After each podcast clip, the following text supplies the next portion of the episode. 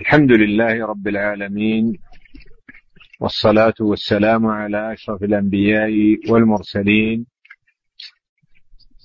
أما بعد فقد ذكرنا في اللقاء السابق ما يتعلق بالماء المستعمل وذكرنا أن وذكرنا الضابط في هذا الباب.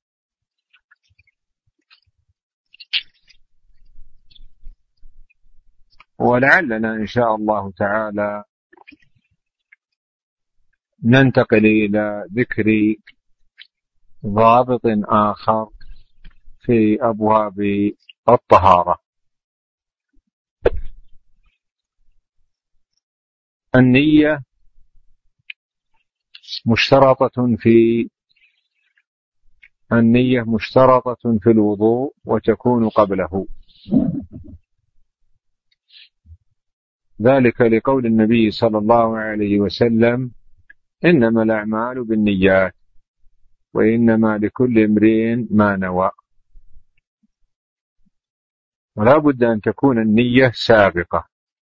فالنية اللاحقة هذه غير مؤثرة. ضابط آخر من ضوابط كتاب المياه أن الماء لا يكون مستعملا إلا بانفصاله عن عضو الطهارة. فما دام الماء على نفس العضو فإنه لا يعد مستعملا.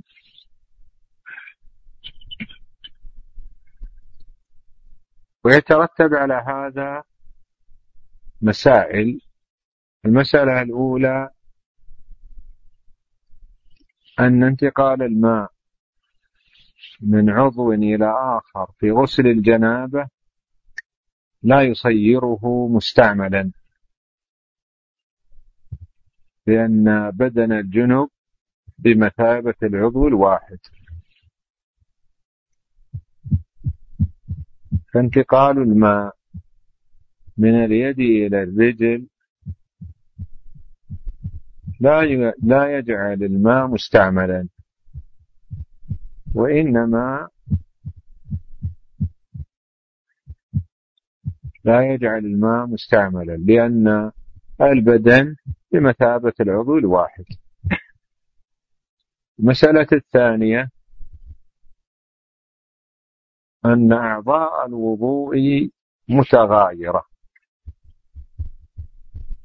ولذلك لو نقل الماء من يد إلى يد في الوضوء فإنه لا يجعل الماء مستعملا. لأن اليدين بمثابة العضو الواحد. بدلالة عدم اشتراط الترتيب بينهما. بخلاف ما لو انتقل الماء من اليد إلى الرجل. فإن ذلك يجعل الماء مستعملا. ولا يصح به غسل الرجل. وتقدم معنا أن هذا هو مذهب الشافعي وأحمد. وذكرنا أن الراجح خلافه.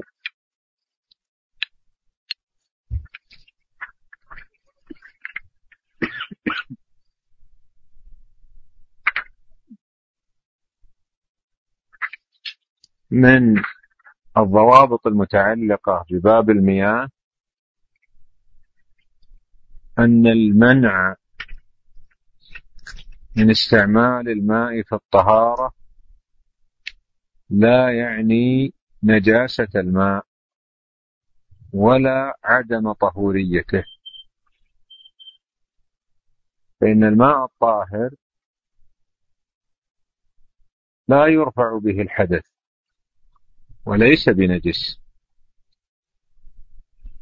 والماء الذي خلت به الأنثى لطهارة كاملة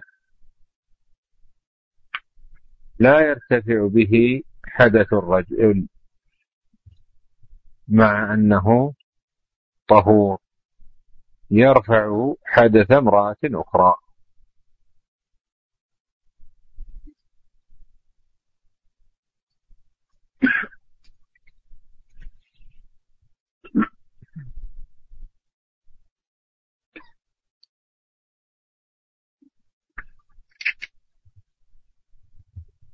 الضابط الآخر أن الأصل في المياه الطهورية.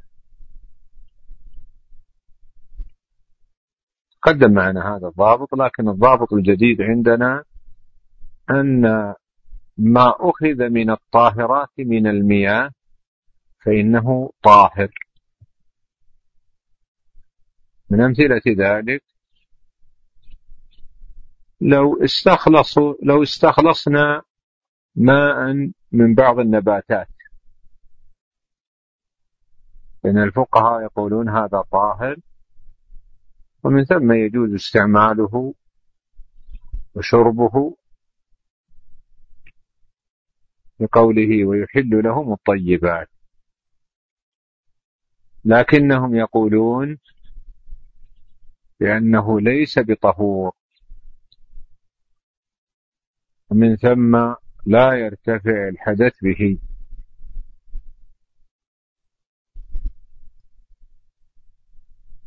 وهذا الضابط مبني على قول الفقهاء بتقسيم المياه إلى ثلاثة أقسام كما هو مذهب الجمهور خلافا لمالك. الذي يرى أن المياه لا تنقسم إلا إلى طاه إلى طهور ونجس. ومذهب أحمد أرج ومذهب مالك أرجح من جهة الدليل. ننتقل إلى ضابط آخر. المياه النجسة محرمة الاستعمال. إلا عند الضرورة. لأن النجس خبيث. قد قال الله تعالى ويحرم عليهم الخبائث. حينئذ لا يجوز أن نستعمل الماء النجس في أي نوع من أنواع الاستعمال. فلا يجوز سقي النبات منها ولا يجوز غسل الثياب غسلة أولى بها إلا عند الضرورة.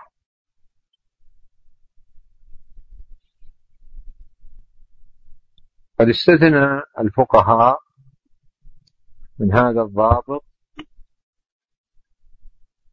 استعمال المياه النجسة في تطيين التراب بها في غير المساجد. قالوا لأنه لا تتعدى نجاسته بهذه الصورة. لا تتعدى نجاسته في صورة بل التراب به ننتقل إلى ضابط آخر وهو أن زوال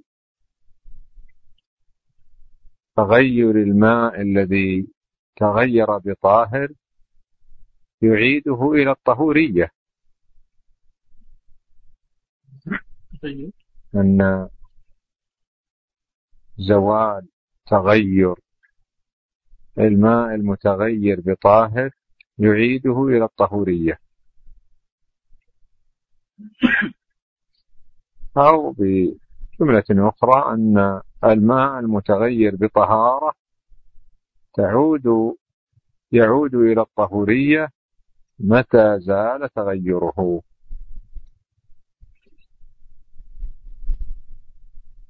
لأن الحكم يدور مع علته وجودا وعدما. لأن الحكم يدور مع علته وجودا وعدما. مثال ذلك لو اختلط ماء بعسل تغيرت صفات الماء. حينئذ نقول هذا ماء طاهر. فإذا قدر أن العسل نزل إلى أسفل الإناء وصعد الماء وصفى فحينئذ يعود الماء إلى الطهورية. ومثله لو اختلط الماء بالزيت أو بالنفط ثم بعد ذلك انفصل كل منهما عن الآخر.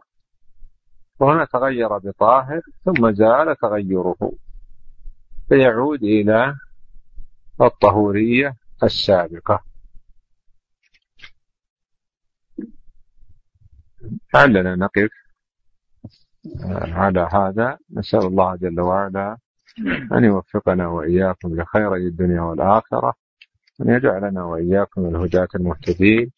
هذا والله أعلم. صلى الله على نبينا محمد وعلى آله وصحبه أجمعين.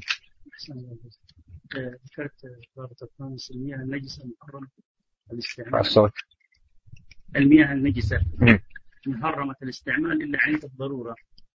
طيب لو أخرناها إيش؟ التبخير. هذه إن شاء الله قاعدة مستقلة. هي متى؟ تزول يزول حكم النجاسة من المياه. لها خمسة طرق.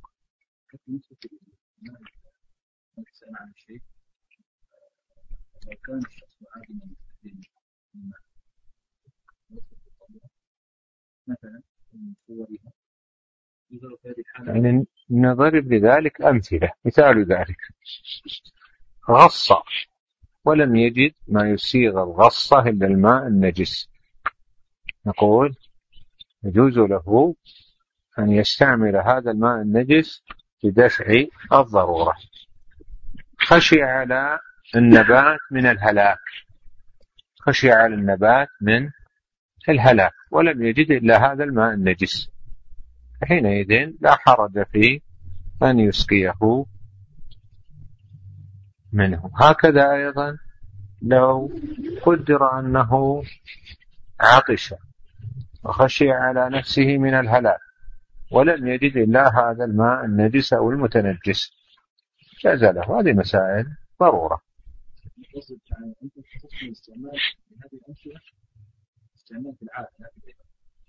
نعم لا يجوز استعمال المياه النجسة إلا حال الضرورة لأنه يعني يؤدي إلى تنجيس الطاهرات.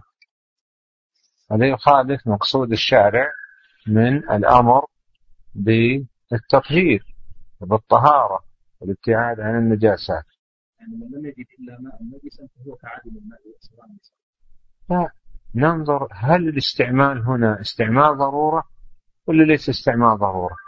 مثلا عادم الماء في الوضوء نقول ليس مضطرا. لو ترك الوضوء فإنه حينئذ لا يلحقه ضرر وبالتالي ليس مضطرا. فنحن لا نعلقه بفقد الماء وإنما نعلقه بحال الضرورة. واضح. حديث